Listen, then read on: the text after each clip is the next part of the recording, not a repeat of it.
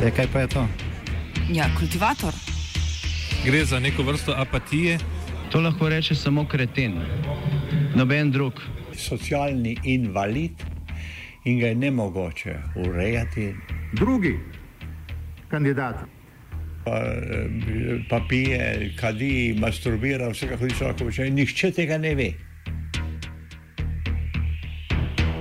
Vsak petek skultiviramo dogodek tedna. Lahko po kriterijih radio študent, težko pa po evropskih kriterijih. Ampak na drug način, kot vi to mislite. Kultivator vedno užge.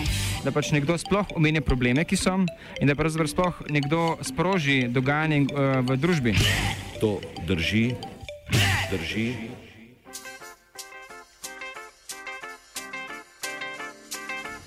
Deportaciji po slovensko.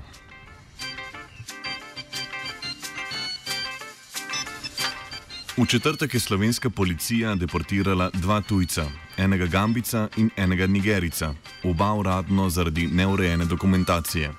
Pri obeh postopkih deportacije tujcev, ki sta že več let bivala v Sloveniji, pa je prišlo do slabe komunikacije policije s pooblaščenci tujcev in po mnenju teh pooblaščencev tudi do določenih ilegalnih potez policije.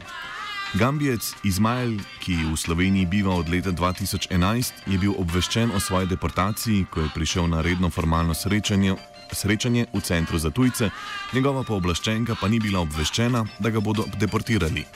V primeru deportacije Nigerica pa je šlo za osebo, ki je v Sloveniji živela že tri leta in bila tik pred poroko, na to pa je bila deportirana zaradi neurejene dokumentacije.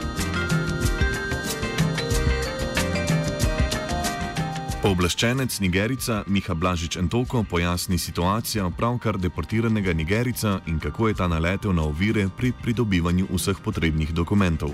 Ja, tako je. V bistvu pač uh, pri obeh je šlo za to, da so uh, poskušali pridobiti dovoljenje za začasno zadrževanje. Uh, in uh, pri enemu je bilo tako, da uh, iz razloga, ker uh, se je imel poročiti in je imel že datum poroke, je imel urejene vse papirje. In uh, je potem uh, center za tujce posegel v to poroko, tako da ga je zaprl predtem in uh, mu uh, zasegel dokumente iz upravne enote. Tako da do poroke ni mogel priti, niso mu pa tudi hoteli dati začasnega zadrževanja v tem času, da bi on dokumente pridobil nazaj. Uh, skratka, je bilo nemogoče za njega si kakšen koli način pač urediti družinsko življenje in, in bivanje tukaj. Pač ravno zaradi tega, ker je pridobil dokumente za poroko, ne, so rekli, da ne sodeluje z organi, uh, ki ga pač morajo deportirati, ker je on dolžan njim te dokumente najprej posredovati. In na podlagi tega so ga zaprli. In uh, upravno sodišče je potem v roku parih dni pač uh, takoj uh, to uh, sklenilo, da je šlo za nezakonito pač zapiranje in, in so ga mogli spustiti ven. Uh, niso mu pa dokumentov zaseženih vrnili, ker so trdili, da, da so v preverjanju, če so avtentični. Ne. In uh, tukaj je potem pač uh, to preverjanje traja, traja že šest mesecev. Ne. Tako da je bil očiten namen to, da se pač uh, njemu onemogoči, uh, da, da se tukaj poroči svojo partnerko in tudi, da se mu onemogoči po kakršni koli drugi poti prideti do, do legalizacije bivanja. Ne je pa že dobre tri leta pač v, v Sloveniji, v svoji domovini pa ni bil od najstništva. Poluna Mozetič izpostavlja še eno kršitev zakona v primeru deportacije Nigerica. Poleg tega, recimo ta fant iz Nigerije, on je takrat, ko je bil aretiran, tudi vložil še eno prošnjo za zadrževanje in načeloma pač po tem zakonu o tujcih bi to moglo odložiti njegovo deportacijo, dokler se ne odloči o tej prošnji za zadrževanje. In je bilo to pravzaprav kar nekako zignorirano. Ne? Se pravi, je šlo za neko golo oblastno dejanje, ker pravzaprav neko pravo in pravni postopki niso imeli nobene, nobene veze ne, s čimer koli. Zaročenka Nigerica, ki je bil prav tako deportiran, je tako včeraj od policije prejela elektronsko sporočilo, da bo njen zaročenec deportiran in da mu lahko pripravi do 23 kg težko prtljago. Policija se ni niti odzvala na številne sporočila pooblaščencev tujcev, niti jim ni podala kakršne koli informacije. Polona Mozetič komentira, ali je takšen hiter postopek deportacije novost ali že uveljavljena praksa slovenske policije. Uh, mislim, ne vem, v bistvu ne vem, če je to običajno, ker res nimamo pogleda ne, v to uh, sistematiko ne, teh deportacij. Ne. Um, do zdaj v bistvu smo tisti, ki se s tem ukvarjamo, mislili, da ne prihaja do deportacije na tak način. Tako da po mojem je to neka novost. Uh, ampak verjetno bo pa to tudi postala neka praksa. No? Ampak ja, mislim, to, da se je vse zgodilo tako na hitro, uh, da ljudje niso imeli v bistvu nobene možnosti se niti pripraviti na ta dogodek, ne kaj šele um, ga problematizirati, recimo pred pristojnimi organi, uh, to je problema. Ne? Polona Mozetič o tem, ali okoliščine kot so poroka, ustvaritev družine, zaposlitev, šolajoči se otroci in dolžina bivanja v Sloveniji vplivajo na odločitev o deportaciji. Uh, je, to je po svoje precej skrivnostno, kako to vpliva. Pravzaprav ne vemo. Ne. V tem primeru, recimo, ker je šlo za osebo, ki uh, ima v Sloveniji zaročenko, je v nekem dolgotrajnejšem razmerju, je tudi bila v nekih pač pravnih postopkih, ne, zaradi tega bi načeloma, vsaj po mojem mnenju, mogla prevladati ta neka pravica do družine nad interesom države, da, da deportira ne, nekoga, ki je domnevno nezakonita, ne migrant. Kaj pa točno vodi do tega, um, na kakšen način pride do teh odločitev, pa pravzaprav ne vemo, ker to so taki zelo netransparentni postopki in to vejo samo pristojni. Ne. Načeloma je dovolj, da nekdo velja za osebo, ki je brez dokumentov. Ministrstvo za notranje zadeve pa nam je na vprašanje, ali okoliščine, kot so poroka, ustvaritev družine in dolžina bivanja v Sloveniji, vplivajo na odločitev o deportaciji, odgovorilo, da policija izvaja naloge opredeljene v zakonu o tujcih, ki govorijo o vračanju tujcev. Če bi si tujec dejansko uredil status, potem ni več razlogov za izvršitev odločbe o vračanju. Gre pa za popolnoma ločene postopke. Laura Oru iz delovske svetovalnice kot pooblaščenka Izmaila Boba iz Gambije pojasni vse postopke v zvezi z njim v zadnjih sedmih letih. E, gre za tujca, ki v Sloveniji biva že uh, sedem let, skratka do 2011. Slovenija je prišel, iz, je prišel kot prosilc za azil, bil v azilnem domu cirka pet let, skratka toliko časa je trajal azilni postopek, lani je bil tretji negativ in je pač potem si začel urejati status drugače. In letos sva 23.4.2018 pač uredila dovolitev zadrževanja v Republiki Sloveniji. Ker 23.4. je začelo, 10.5. je postala ta odločba, govorim zdaj o letos, ne, to pomeni pred enim tednom, je postala pravnomočna. 9. maja sva šla prvič, ko v tej odločbi imel obveznosti javljanja.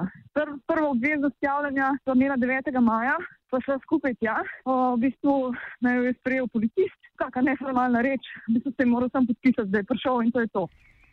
Izmail je prejšnji mesec prejel odločbo o dovoljenju za začasno zadrževanje. Oru pravi, na podlagi česa je bila Izmailu odobrena odločba o začasnem zadrževanju. Ja, on je dobil v bistvu na podlagi. Uh, na podlagi druge ali ne 73. člena. Skratka, ni imel, uh, ni imel v bistvu osebnega dokumenta. Uh, zdaj, seveda, mislim, lahko, da smo vmes priskrbeli kakšno tako potno listino za eno smer, ne? ampak jaz nič ne vem o tem. Ne? Pa tudi veste, kako je. Ne? Mi smo dali, ko smo dali vlogo za dovolitev zadrževanja. Je, eh, so bili navedeni eh, različni razlogi za, eh, za, za, za, za, za, za to vlogo. Skratka, mi smo prosili za dovolitev zadrževanja in po 72 in po 73 členu. A, a, zdaj, uh, pravim, uh, ampak ne, mislim, to je zdaj povezano. Zdaj, recimo, ne vem, oni mu pač po 72 členu potem v obrazložitvi niso odobrili, zato ker uh, pač tujca ni mogoče identificirati, ker nima nobenega osebnega dokumenta. Skratka, v bistvu najprej bi moral dobiti osebni dokument, da bi, bil tuj, da bi bila potrjena nekakšna njegova identiteta in, šele potem se lahko ugotavljalo, ali je njegovo življenje res ogroženo v državi, iz katere eh, izvorno prihaja. In, in bi bila zaradi tega v bistvu uh, vrnitev za njega uh, nevarna, in, in zato se potem vrnitve ne bi smelo izvesti. Skratka, v bistvu tle gre za neke povezane zadeve. Ne? Dovolitev je seveda dobil zato, ker pač dokumentov ni imel, ne? Ampak uh, razlogi, ki smo jih pa mi navedli v vlogi, jih je bilo pa več, ne? ni bil sam ta. Ne? Pravnica Polona Mozetič razloži, zakaj se tujcu izda odločbo o začasnem zadrževanju in v kakšnih okoliščinah se mu jo lahko oduzame. Ja, recimo, če, ne vem, če nekdo dobi dovoljenje za začasno zadrževanje zaradi tega, ker nima osebnih dokumentov, ne, pa potem, naprimer, center za tujce te dokumente uspe pridobiti ali pa uspe pridobiti uh, potoval, neki potovalni dokument ne, za to osebo, uh, potem je pač to že razlog, ne, za to, da dovoljenje za zadrževanje nekako ne velja več.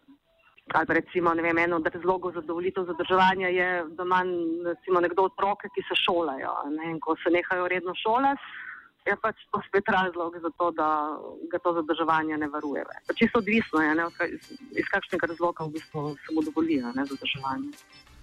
V četrtek je Izmael imel drugo javljanje na ljubljanski izpostavi Centra za tujce. Tamkajšnji policist je po oblaščenki Lauri Oru zagotovil, da gre le za formalno srečanje, namenjeno izključno temu, da se dokaže, da je Izmael še vedno bival v Sloveniji. Laura Oru pojasni četrtkovo dogajanje. Včeraj ne bi imel drugo obveznost javljanja. Jaz sem zamujala, ker sem imela ene druge obveznosti in sem se slišala s tem policistom in povedala, da jaz zamujam, rekel ni problema, on to lahko pride sam, je zgolj za formalnost, sam javce, ne bo več tazga, mislim, da, da bi se kaj tazga pogovarjali, za kar je za nujna moja prisotnost. Bi se bil tak zelo prijazen pogovor, ne. Ničemer ni dal slutiti, kaj se bo zgodilo potem čez dve ure. No, čez dve ure dobim pa klic, ker je v bistvu ta ta tujec, čigar pooblaščenka sem, očitno edini klic, ki ga je imel najbolj na voljo, najbrž ni vedel, da ima samo enega, klical enega svojega prijatelja in mu povedal, da bo deportiran. Potem je policist prevzel telefon in je temu prijatelju povedal, da bo danes deportiran. In jaz od tistega trenutka dalje sem potem poskušala pokriti tudi tega policista na njegovo mobilno številko, ne vem, vsaj en devetkrat zapored, pa se mi ni javil na telefon. Njega, tujca sem skušala pokriti, najprej se mi ni javil na telefon, in dobre pol ure bil telefon izklopljen. Potem sem šla pač na vodnikovo 43, kjer je v bistvu neka taka, kako bi rekla, neformalna, se mi zdi, izpostava centra za tujce, ker to je pač neka taka lokacija, kjer se, kjer izpolnjuje obveznost javljanja tujci, ki so nameščeni v Ljubljani, zato da jim ni treba hoditi postojno. Sem šla tja, ni bilo več nikogar tam, policisti ostalih so se nahajali na tem območju in niso znali povedati nič. Sem pač to rekla, da najbrž je pač v nekih policijskih postopkih. A jaz sem potem naletela še na skupino drugih, ki so, so mi pač povedali, da so tudi še enega drugega tujca v bistvu danes deportirali. Uh, in tako sem v bistvu počumila, uh, da so deportirali tudi tega tujca, ki, katerega povlaščenka sem jaz. Kasneje, tekom večera, se je javil ta drugi tujec in sicer iz Maribora in povedal, nisem očitno imel pač en klic na voljo in, in je to izkoristil, da so na poti iz Maribora na Dunaj, ker bodo deportirani. Ne? Povedal, da je z njim še en tujec, ni vedel, kako mu je ime in jaz pač sem predvsej pripričana, da je za tujca, da ga pač jaz zastopam. Ne? ne morem pa dobiti nobenih povratnih informacij, kje kje, kje, kje on je. Mislim, zginuje, dobesedno zginuje. Izmajlova pooblaščenka Laura Oru je na to od prijatelja drugega deportiranca izvedela, da je bil Izmajl odpeljan na Dunaj, od tam pa v Gambijo. Včeraj pozno popovdne je vzpostavila tudi prvi stik z Izmajlom. Laura Oru o Izmajlovem telefonskem klicu iz Gambije, ki ga je prejela včeraj pozno popovdne. Včeraj pozno popovdne uh, me je tujec Eh, katerega pooblaščenka sem, poklical po telefonu in sicer iz eh, Gambije. Povedal je, da je pač tam, da, da so ga deportirali, da mu tudi niso omogočili stika z mano, da pač me ni mogel poklicati, da tudi, kot je on razbral, niso niti želeli, da jaz pridem tja. Uh, tako da mislim, da, da ne, ne vem, mislim, da so bili zelo veseli, ko sem jih jaz po telefonu obvestila, da ne bom mogla priti z njim, um, ker, ker so najbrž to prepoznali, kot da sem jim naredila veliko usluga s tem. Uh, ker najbrž, če bi bil sem, bi vsem zahtevala ne, neko, nek dokument, neko odločbo o, o razveljavitvi te, te odločbe o dovolitvi zadrževanja, ki jo sicer ima. Ne. Žal naj je potem um, prekinilo, ker predvidevam, da me je kritil s kakšne telefonske govorilence, uh, pa mu je zmanjkalo denarja, to zdaj čakam, v bistvu, da me bo naslednjič, uh, da me bo naslednjič poklical, da, uh, da se mal, mal, mal natančneje pogovorim z njim, kaj se je vse dogajalo uh, in, uh, in uh, kje se v bistvu zdaj nahaja, da, da, da dobim nek kontakt z njim, da bom lahko potem uh, ga obveščala tudi, kaj se tukaj dogaja. Laura Oro predstavi dosedanja komunikacija s policijo in kako je dejstvo, da ni bila prisotna, ko so Izmailu sporočili, da bo deportiran, škodilo njegovemu primeru. Ejte, jaz sem njegova poblaščenka. Ne? Do zdaj so vse, vse, vse, vse, vse korespondence, vse odločbe, vso dokumentacijo, karkoli je bilo, pošiljali meni direktno na, na naslov Laura Oral, delovska svetovalnica, Dalmatinova 4000 Ljubljana. Skratka, vse je prihajalo men, k meni. Uh, tudi, recimo, ne vem, glede, glede, mislim, glede telefon, mislim, pisne komunikacije po mailu sem bila o vsem obveščena.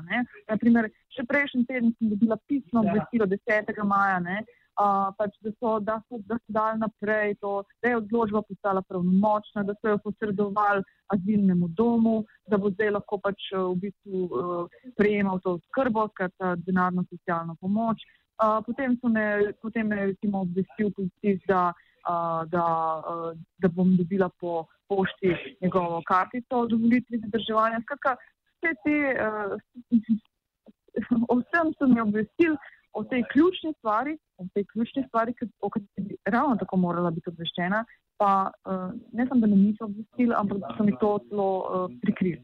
Težava je v tem, ker uh, če, če so oni uh, v kateri koli fazi izpeljali, ne, uh, ali pa še le nameravajo izpeljati uh, razveljavitev uh, te odločbe. Ne, Veste, na tako razveljavitev odločbe se je možno, je v bistvu možno vložiti tožbo na upravno sodišče. Skratka, je, je neko pravno sredstvo na voljo, mislim, ki ga ima stranka. Tlele se je pa med tem v bistvu že zgodila deportacija. Ne? Mislim, stran, mi smo imeli možnosti v bistvu uh, pravočasno biti seznanjeni s tako drastičnim ukrepom, da bi lahko v bistvu ga po, po sodni poti sploh recimo ustavili, ustavili, dokler se ne bi, ne vem, um, kot bi rekla, ugotovilo, kaj se v bistvu sploh dogaja. Ne?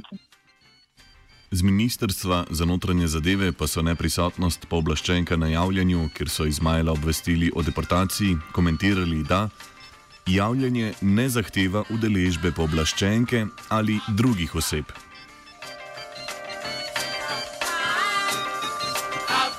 Primeru, da bi bila Izmailu preklicana odločba o začasnem zadrževanju, bi pooblaščenka lahko sprožila upravni spor in tako skušala doseči podaljšanje Izmailovega bivanja v Sloveniji. Če bi bila obveščena o deportaciji, bi se na njo lahko pritožila na ustavno sodišče in s tem vsaj preložila izvršitev deportacije. Laura Oru pojasni, kako bi se postopek odvil v tem primeru in odkot je izvedela, da bo Izmail deportiran. Veste, težko je zdaj, težko je zdaj, tlele, um, kako bi rekla, ugibam, s kakšno hitrostjo bi sodišče uh, uh, odgovorilo. Predvidevam, da bi odgovorilo zelo hitro. Ne? Možno, da bi odgovorilo celo v istem dnevu. Ne, Mislim, ne vem. Ne? Če bi zdaj v istem dnevu odgovorilo ne? in, uh, in uh, recimo. Um, in ustavilo deportacijo, veste, to je bi bila potem bistvena razlika uh, uh, med, med, med tem, kar se je zgodilo zdaj in med tem, kar bi se lahko zgodilo, če bi bil postopek voden transparentno ne, in bi bili uh, uh, o, tem, pač, o tej njihovi nameri v bistvu obveščeni, tako kot bi morali biti obveščeni. Ne. Mislim, ker veste, uh, morajo oni kar tako potizem uh, na skrivaj. Uh, Izpeljati deportacije, mislim, da se jaz danes, mislim, naprimer, ne vem, jaz sem to zvedla zato, ker je, ne vem, novinar zastavil to vprašanje in je nekako uh, ministrstvo oziroma policija moralo odgovoriti na to vprašanje. Medtem ko na moje vprašanje, ki sem ga poslala uh, tako isti dan, pa potem še naslednji dan, skratka predvčerajšnjim, pa včeraj, še nišče ni več odgovoril. Mislim, meni kot njegovi pooblaščenki še vedno niso odgovorili,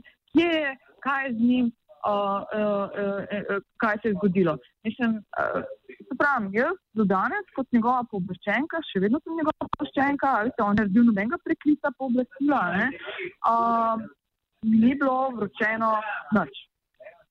Ne, ne, ne vročena kakršna koli razveljivitvena odločba ne, uh, ne posredovana kakršna koli informacija, ne predhodno, niti ne potem na moje poizvedbe. Ne? Mislim, nišče se mi ne javlja na telefon, nikogar ni uh, in na moje maile ne odgovarjajo. Laura Orus citira, s citiranjem mnenja pravnika, s katerim sodeluje pri Izmailovem primeru, utemeljuje, zakaj je bil postopek deportacije ilegalen. Ja, naše stališče je in tudi tle nas pravniki, s katerimi smo v kontaktu, podpirajo. Ne, tudi gospod Krivic je pač napisal, da gre za nezakonito ravnanje policije v tem primeru, ne, ker bi morala biti najprej odločba razveljavljena in, in bi moral, mislim, imeti pri tujcu, ki je dobil šestmesečno dovolitev zadrževanja po 73. členu zakona o tujcih. Tam bi bilo treba najprej to odločbo razveljaviti oziroma spremeniti, torej izdati novo odločbo z možnostjo pritožbe oziroma tožbe. Ne. Šele potem bi bilo dopustno izvesti deportacijo. Ne.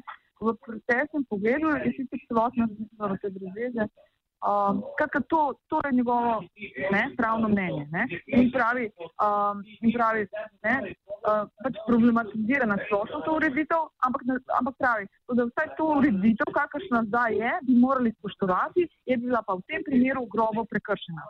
Človek je bival vse na podlagi neke odločbe, mislim, jaz, da bi bila ta odločba razveljavljena, tega nisem videla, ne, te odločbe nisem dobila, noben je ni dobil mislim, kar se ne tiče, ne obstaja. Uh, tako da ne vem, na kakšni podlagi so to naredili. Ne? Polona Mozetič izrazi mnenje, ali je to, da pooblaščenka Oru ni bila prisotna, ko so Izmajela obvestili o deportaciji, legalno in pojasni, zakaj se ji takšno ravnanje policije zdi problematično. Mislim, po mojem je to precej, ne vem, če je kršitev, je pa precej problematično, zato ker um, pač pravo nekako preferira uh, uh, prostovoljno vrnitev, ne? ne pa tako vrnitev, uh, mislim, vračanje, deportacija, tako nasilo, ne? da se ljudi v bistvu aretira, se jim ne da nobene možnosti, niti da zberejo svoje stvari, mogoče kakšne prihranke, ki jih imajo, se poslovijo in tako naprej. Tema dvema osebama sploh ni bila dana možnost, da se prostovoljno odločita, da gresta. Ne? Ampak so bila res skoraj da ugrabljena ne? in, in nasilo, odpeljana ta vidik, ne, se meni zdi eh, nekako najbolj problematičen. Ne. Goran Lukič iz delovske svetovalnice predstavi nadaljne korake svetovalnice, ki želi doseči vrnitev Izmaela v Slovenijo. Na naše strani bomo zagotovo šli v, temo, v dva koraka. Eh, prvič bomo absolutno tečni tudi v javnosti, da eh, se ta zgodba ne bo smela potihniti in ponikniti, ker potem seveda damo legitimacijo še nadaljnim primerom takšnim. Druga zgodba, oziroma druga, temo, taktika oziroma način, ki je pa nujen, je pa internacionalizacija. Torej, mi bomo zagotovo to zadevo dali v mednarodni kontekst, tudi bomo kontaktirali mednarodne inštitucije in zahtevali seveda ustrezno, predvsem pa takošno ukrepanje. Tako da, bodite pripričani, ne bomo dali mira policiji tukaj, to zagotovo ne. Ker stvar je v tem, da uh, v primeru, da se ta zadeva potihne in ponikne, bo ta mašina ilegalnih deportacij pač naprej pošiljala preko razno raznih letov nazaj ljudi. In mi preprosto ne bomo vedeli, dokler ne bomo to zvedeli od medijev. Polona Mozetič o tem, ali so takšne deportacije ljudi, ki so v Sloveniji živeli že več let, izjema ali pravilo. Pravzaprav težko ocenim, ker nimam pogleda v neko statistiko. Uh, je pa tako, ne, da pač popravo ne, pridobivajo ljudje s tem, ko dolgo časa živijo tukaj. Ne, čeprav brez dokumentov, pravzaprav bi mogli dobiti neko pravico, da regularizirajo ne, to svoje bivanje tukaj. Ne. Neka možnost bi se jim mogla dati, še posebej, če tukaj uh, ustvarijo celo neke družinske stike. Ne. Z ministrstva za notranje zadeve pa so na vprašanje, ali je deportacija tujcev, ki živijo v Sloveniji več let, izjema ali precedens, odgovorili, da ni izjema ali precedens, so pa postopki lahko dolgotrajni in odvisno od vseh okoliščin se lahko to zgodi takoj ali pa tudi čez nekaj let.